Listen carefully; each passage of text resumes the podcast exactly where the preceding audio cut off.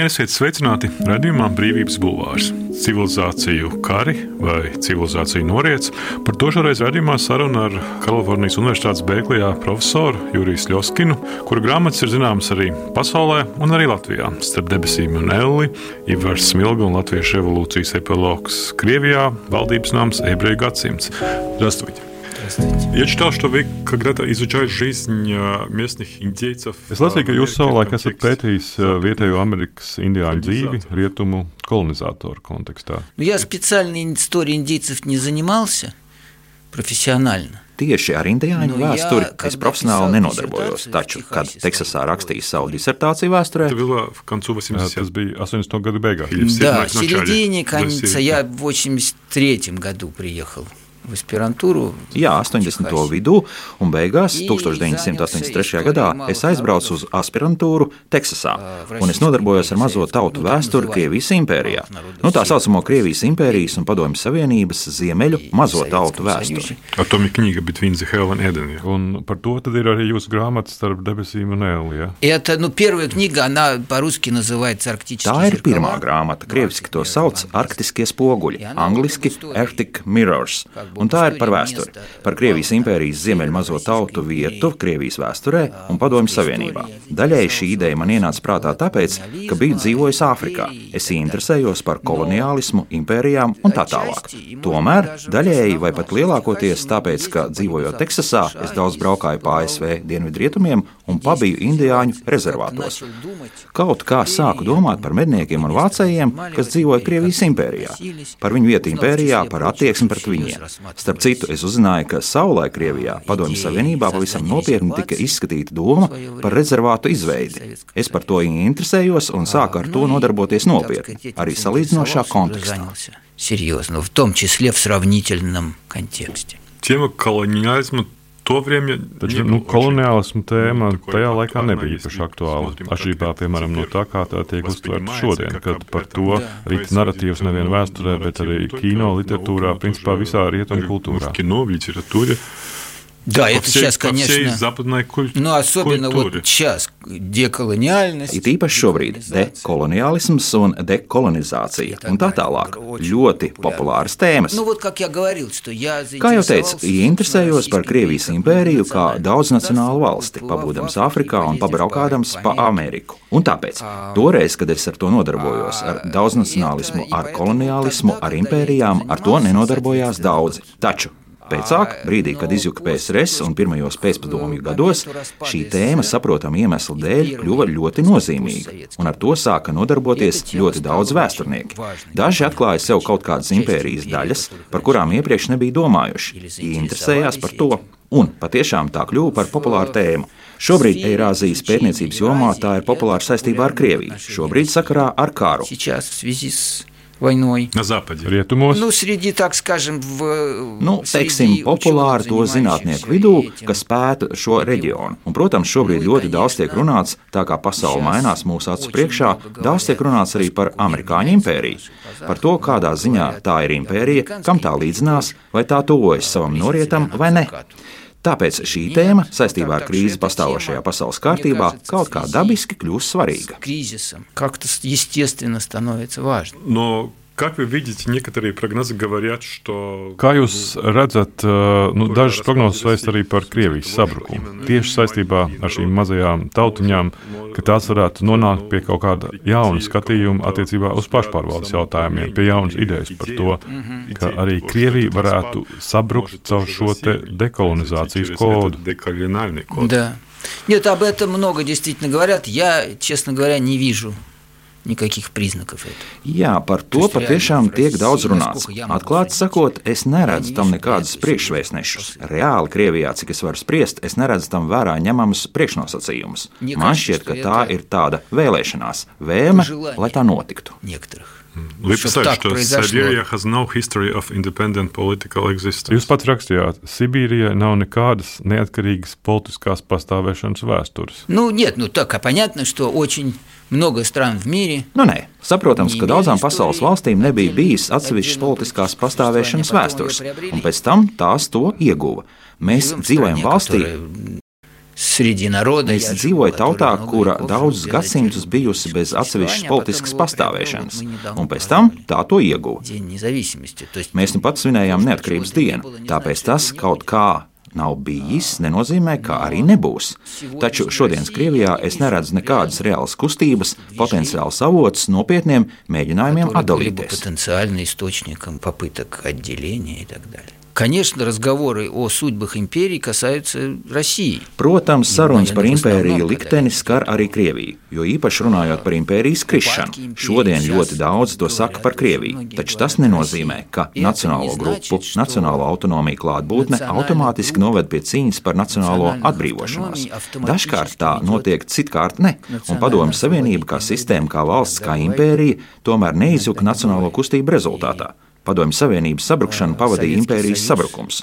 Tomēr ne visas tā saucamās bijušās padomju republikas tiecās pēc neatkarības. Mēs atrodamies Latvijā. Tas ir īpašs stāsts.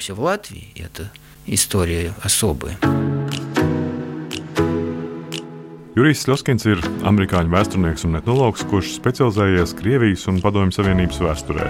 Kalifornijas Universitātes Berklijā profesors. Pabeidzis Maskavas valsts universitāti. 70. gadu beigās viņš dzīvoja un strādāja Mozambikā, pēc tam pārcēlās uz Lisabonu, bet 1983. gadā nonāca Teksasā. Sāk strādāt Ostinas Universitātē par krievu valodas pasniedzēju, un turpat arī ieguva filozofijas doktora grādu. Regulāri publicēja tādos izdevumos kā New York Times, The Wall Street Journal, New York Review Books. Viņa grāmata Ivars Smilga un Latviešu revolūcijas krievu epilogs iznākusi arī latviešu valodā. Viņš ir viens no autoritīvākajiem amerikāņu austrumēropas vēsturniekiem, un pēdējos gados bieži piedalās dažādās Eiropas, ASV un Krievijas publiskajās diskusijās par rietumu civilizāciju, Krievijas nākotni un arī ebreju vēsturi. Pēdējos trīs gadus Jurijs Sloskins dzīvo Latvijā.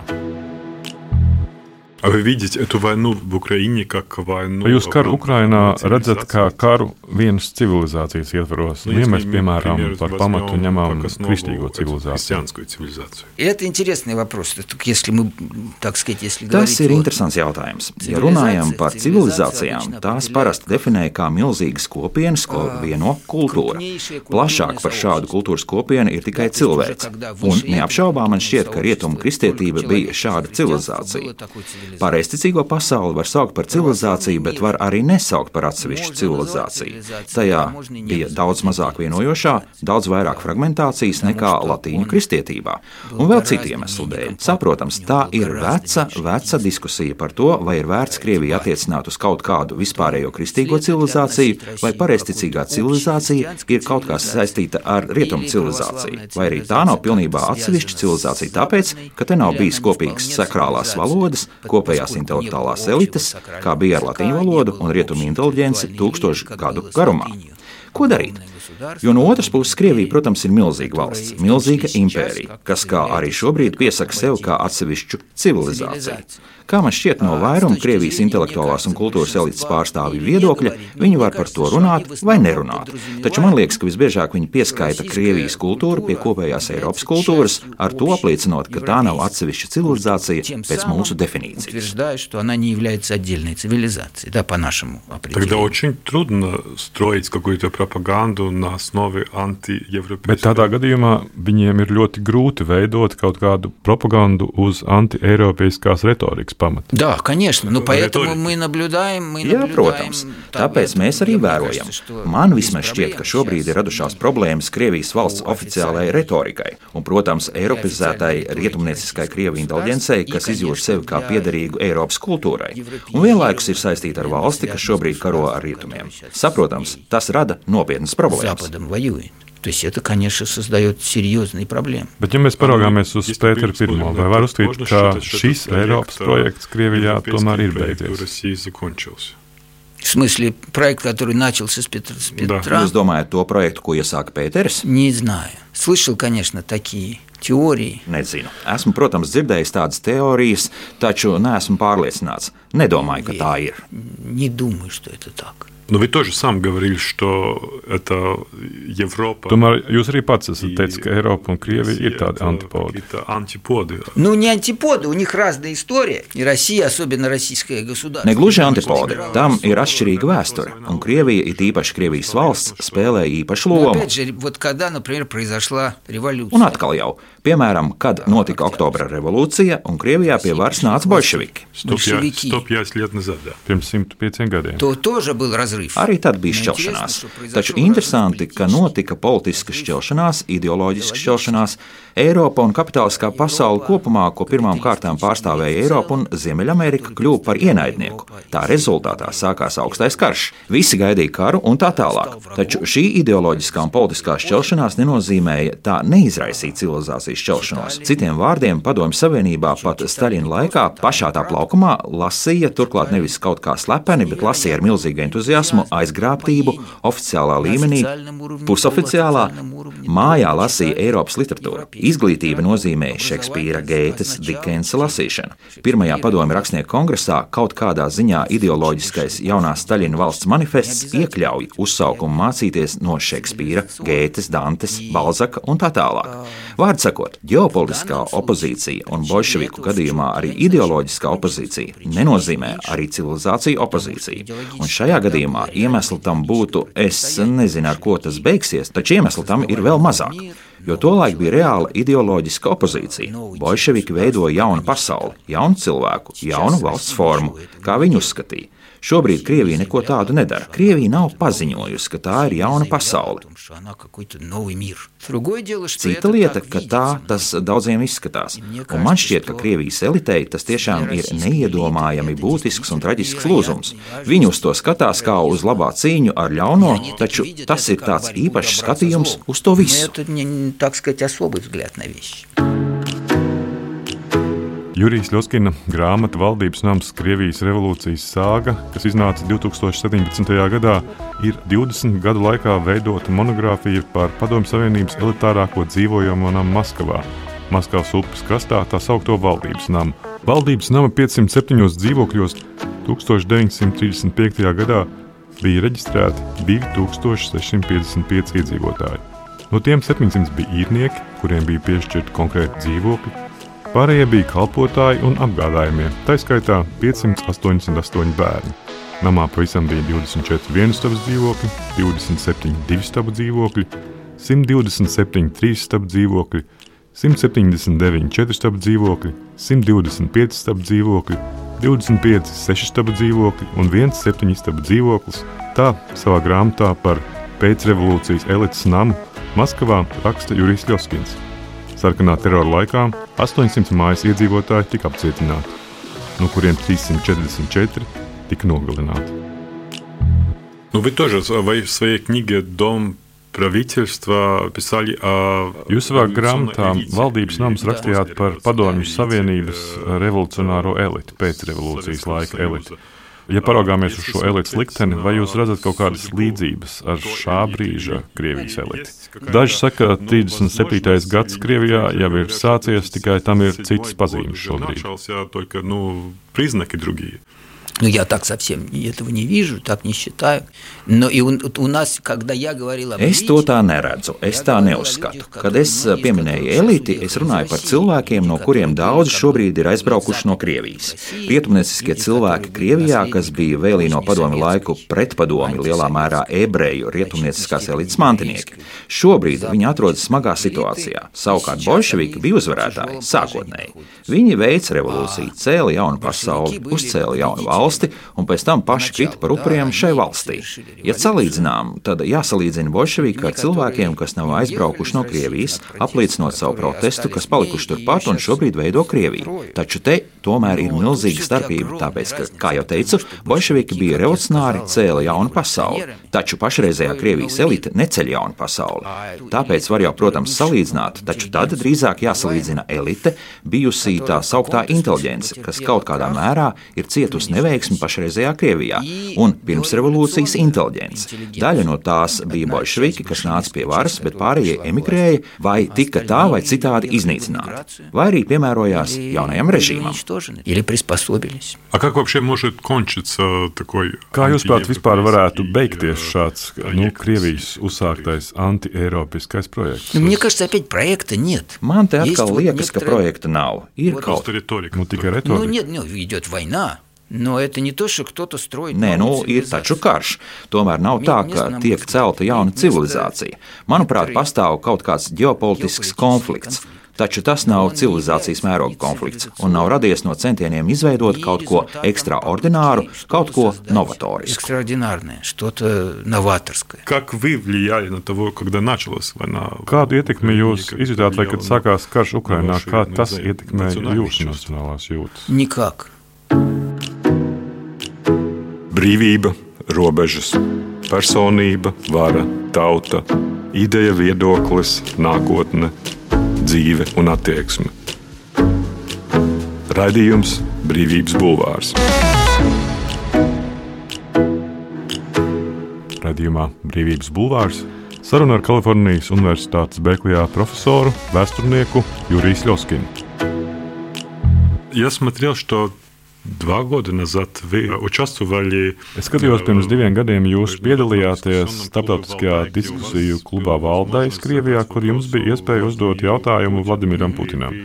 Un jūs viņam jautājāt par viņa personīgo lomu vēsturē. Jūsu jautājums skanēja tā: Jūs atrodaties Krievijas valsts priekšgalā jau daudzus gadus, un droši vien esat daudz domājis par savu lomu Krievijas vēsturē. Kā jūs redzat? Viņš jums daudz ko atbildēja, taču kā jūs pats redzat viņa lomu? Kāda jūs jūsuprāt būs Putina loma pasaules vēsturē un Krievijas vēsturē? мировой истории и истории России. Ну Европы. вот как, это же интересно, как он, даже не отвечая на вопрос, Interesanti, kā Kā viņš un pat būt neatbildot uz šo jautājumu, kā To, viņš что он noformulēs скажет, savu это же очень sakāmo. интересно. Tas man bija interesanti. Политики иногда себя ведут как историки. Tāpēc, ka politiķi reizēm mēdz uzvesties kā vēsturnieki. Не, ну даже не в том дело, что политики, они, конечно, Runa в pat nav каком-то par to, смысле, ka по крайней мере, politiķi. политики, Viņi, protams, katrā ziņā politiķi, kas atrodas liela impērija priekšgalā, neizbēgami ir vēsturnieki. Tā ir ziņā, ka viņi nevar nedomāt par savu vietu vēsturē. Skaidrs, ka Putins par to daudz domā. Skaidrs, ka Putins ir imperators, cars, ja vēlaties, un tāpēc, protams, ir interesanti pamēģināt pajautāt un pamēģināt paskatīties, kā viņš atbildēs uz šādu jautājumu. Esmu pārliecināts, ka viņš domā par savu vietu Krievijas vēsturē, iztēlojas savu vietu Krievijas valdnieku, Krievijas imperatoru galerijā un tā tālāk. Tāpēc, protams, tas ir ļoti interesanti. Es domāju, ka viņa valdīšana var kļūt par katastrofu. Var arī nekļūt, bet jāpagaida. Starp citu, pirms tam, iepriekšējā tikšanās reizē, es viņam jautāju, vai viņš nedomā, ka viņa varas laika vēlīnais posms, tāpat kā viņa priekšteču varas laikā vēlīnais posms, vēlīnā atrašanās tronī, var kļūt par stagnācijas periodu Un viņš aizgāja no atbildes uz šo jautājumu. Turklāt es toreiz jautāju, vai viņš nedomā, ka Krievijas vēstures mācību grāmatās nodaļa, kas sekos Putina valdīšanas laikam, sauksies juku laiki. Tāpēc, ka trūkst varas mantošanas kārtības un ir pilnīgi nesaprotams, kurš un kādā veidā kļūs par viņa mantinieku. Pareizāk sakot, pēcteci. Paskatīsimies. Man šķiet, ļoti iespējams, tā Krievijai būs katastrofa. Мне кажется, что очень может быть, что это будет катастрофа для, для России. В вашей дискуссии с Крастем вы очень много говорили о Es skatījos распаде, jūsu diskusiju Vīnē ar bulgāru politologu Ivanu Krastevu, un jūs daudz runājāt par rietumu civilizācijas Ну, sabrukumu. не распаде, я не говорил о распаде, я говорил о том, что западная цивилизация... Es nerunāju par всё sabrukumu, реже runāju par to, ka видит себя rietumu как civilizācija aizvien retāk sevi redz kā civilizāciju. Tas nenozīmē, ka tā sabruks. Es runāju par to, ka es savu начинал pasniedzēju свои karjeru преподавательскую sāku деятельность, Тексасе. преподавание, Тексасе. да, курса по истории западной цивилизации. ar Этот kursu курс был Rietumu основным civilizācijas курсом vēsturē. почти на всех Šis kurs bija pamatkurs gandrīz visās Amerikas universitāšu vēstures fakultātēs. Taču tagad tā nekur nav, un tas ir kaut kas neiedomājams. Почему? Un kāpēc? Вы, наверное, знаете, да, западная цивилизация. Jūs droši vien zināt, frāze rietumu civilizācija Amerikā akadēmiskajā kontekstā skan nepiedienīgi, tāpat kā lielākajā daļā rietumu Из-за pasaules. этой колониальной Tas ir dēļ ā, koloniālās konotācijas. Да, коннотации. да, поэтому Запад существует. Tāpēc rietumu pastāv, rietumu kā ekonomiska, militāra vienība. Taču rietumu civilizācija šis jēdziens ir aizgājis pagātnē, un to bez ironijas skaļi nedrīkst izrunāt. Drīkst, bet tas ir nepieklājīgi. Bet tas, vai Krievija ir civilizācija, ir atsevišķs jautājums, un lai kā mēs par to nespriestu, tas ir neskaidri. Manuprāt, atkarībā no mūsu definīcijas uz to var paraudzīties tā vai citādi. Man šķiet, ka tajā arī ir Krievijas vēstures traģika un sarežģītība Eiropas nomalē. Tāda milzīga impērija Eiropas nomalē, kura ir saistīta ar Eiropu, taču pilnībā pie tās nepieder. которая связана с Европой, но не вполне является ее частью.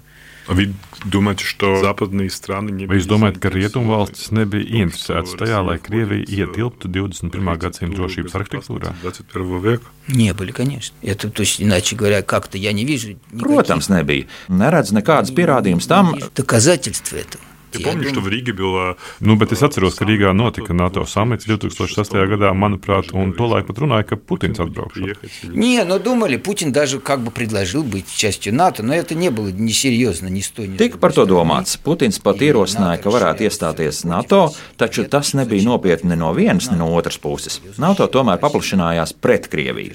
Saprotams, taču kāpēc Latvija iestājās NATO, lai būtu pasargāta no Krievijas. Tas ir skaidrs, taču skaidrs, ka tam ir arī savas sekas. И думаете, что война в Украине это последствия? Jūs domājat, ka karš Ukrainā ir sekas? Ну, tam? это, конечно, в, как- в чем-то последствия. Это не единственное. Tās kaut kādā ziņā ir sekas. Tas nav vienīgais iemesls, tomēr tas ir ļoti svarīgs iemesls. Tas ir ģeopolitisks konflikts, un to būtu bijis iespējams novērst, un uz kuru, protams, Kremlim nebija obligāti jāiet tādā formā.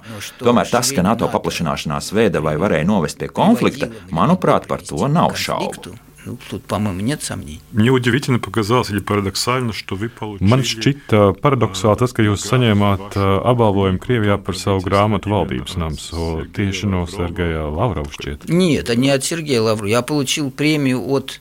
Я, кстати, не уверен, кто там. Nē, Совет. no Sergeja Lavrova nē, prēmijas saņēma no, starp citu, es neesmu īsti pārliecināts.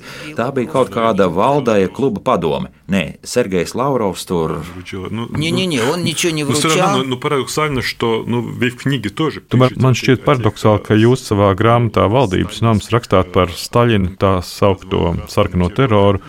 Un kaut kādā kontekstā mēs redzam, ka šo Staļina laiku, to, kas notika tolaik Krievijā, cenšas nu, minimalizēt. Minimizēt? Jā, jā. То есть, подождите, в в смысле, сейчас преуменьшается важность. Jūs gribat teikt, ka šobrīd tiek samazināts Staļina terora vēstures nozīmīgums. Да, И Сталин в конечно. каком-то смысле стал даже, ну, я, я читал, что Jā, даже tieši tā. героем. Staļins kaut kādā ziņā kļuvis, nu, kā es esmu lasījis, par varoni. Ну, для кого-то он герой, на официальном уровне это еще не, не в- Dažiem так. viņš ir varonis. конечно. Oficiālajā līmenī tas tā vēl nav. Ну, 20 год назад там... Tomēr, nu, pirms 20 gadiem, ja mēs skatāmies, tā, tas bija Да, neiedomājami. это, было нет, немыслимо. конечно, идет в этом направлении. Jā, protams, viss iet šajā virzienā, un šobrīd Krievijā ir spēki, kas ir tajā ļoti ieinteresēti, kuri iestājas par to, ka jāatjauno Dzeržinska piemineklis Ljubljankā, Staļina pieminekļi iestājas par Staļina rehabilitāciju. Protams, tas ir manāmi, un tas pieaug, э, man tā liekas, kaut arī es, nedzīvodams Krievijā, precīzi nemāku pateikt. Tomēr šī jaunā mācību grāmata, es gan to neesmu pats redzējis, ir jauna Krievijas vēstures mācību grāmata skolām, esmu redzējis tikai fragmentus un lasījis recenzijas.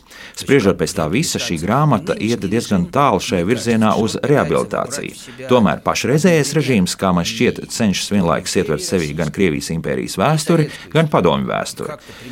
Kaut kā tās abas samierināt un iekļaut kaut kādā kopējā audumā. Tomēr parasti šādi projekti profesionāļiem vai nianšu cienītājiem izskatās nepārliecinoši, taču skolas programmai es nezinu. Почему невозможность каких-то демократических э, тенденций в России, по-вашему? Kāpēc, jūsuprāt, Krievijā pastāv demokrātisku tendenci neiespējamība? Не, ну Это какая-то тенденции принцип- есть. принципиальная невозможность. Я не знаю насчет принципиальной Nē, nu, невозможности, но tendences очевидно, ir. мне Par кажется, что в principiālu России neiespējamību действительно es nezinu, taču acīm redzot, Krievijā patiešām Istorija. autoritāras, lielas, centralizētas, birokrātiskas valsts stāsts ir neiedomājami svarīga Krievijas vēstures daļa, un mēs šobrīd vērojam ļoti vecas, ļoti pazīstamas parādības, jaunu variāciju. Un vai tas nozīmē, ka cita veida režīms nav iespējams? Nē, protams, tāpēc, ka visas mūsdienu demokrātijas agrāk nebija demokrātiskas. Tāpēc, kā jau mēs runājām,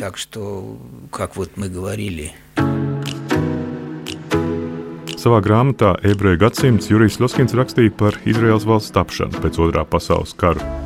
Par šo grāmatu viņš saņēma Nacionālo ebreju grāmatviecības balvu 2002. gadā. dievu valoda, kļuva par dzīvotspējīgu sarunu valodu, viņš raksta. Daļa Izraels zemes kļuva par Izraels valsti, un visu laiku rudītākie un veiksmīgākie merkūrieši tika pārveidoti par jauniem ebreju apoloniešiem. Visdīvainākajam nacionālismam Eiropā izdevās radikālo ebreju pašnāvību pārvērst funkcionējošā nacionālā valstī. Tomēr valsts izrādījās saudabīga, gandrīz tāpat dīvaina kā doktrīna, kas to radīja. Tā bija lepni rietumnieciska, austrumtumsonības sirdī un ideoloģiski apoloniska rietumu merkantīlajā kontekstā.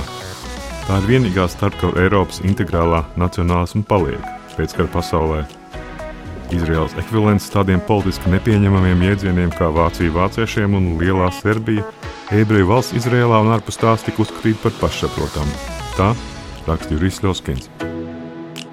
Вы тоже являетесь автором книги «Еврейское столетие». Я так Jūs esat autors um, grāmatai Ebreju gadsimts uh, Jewish Century, un um, kā jūs prāt tas, kas šobrīd notiek Gazā un Izrēlā, attiecas uz šo simtgadu, par kuru jūs rakstījāt grāmatā?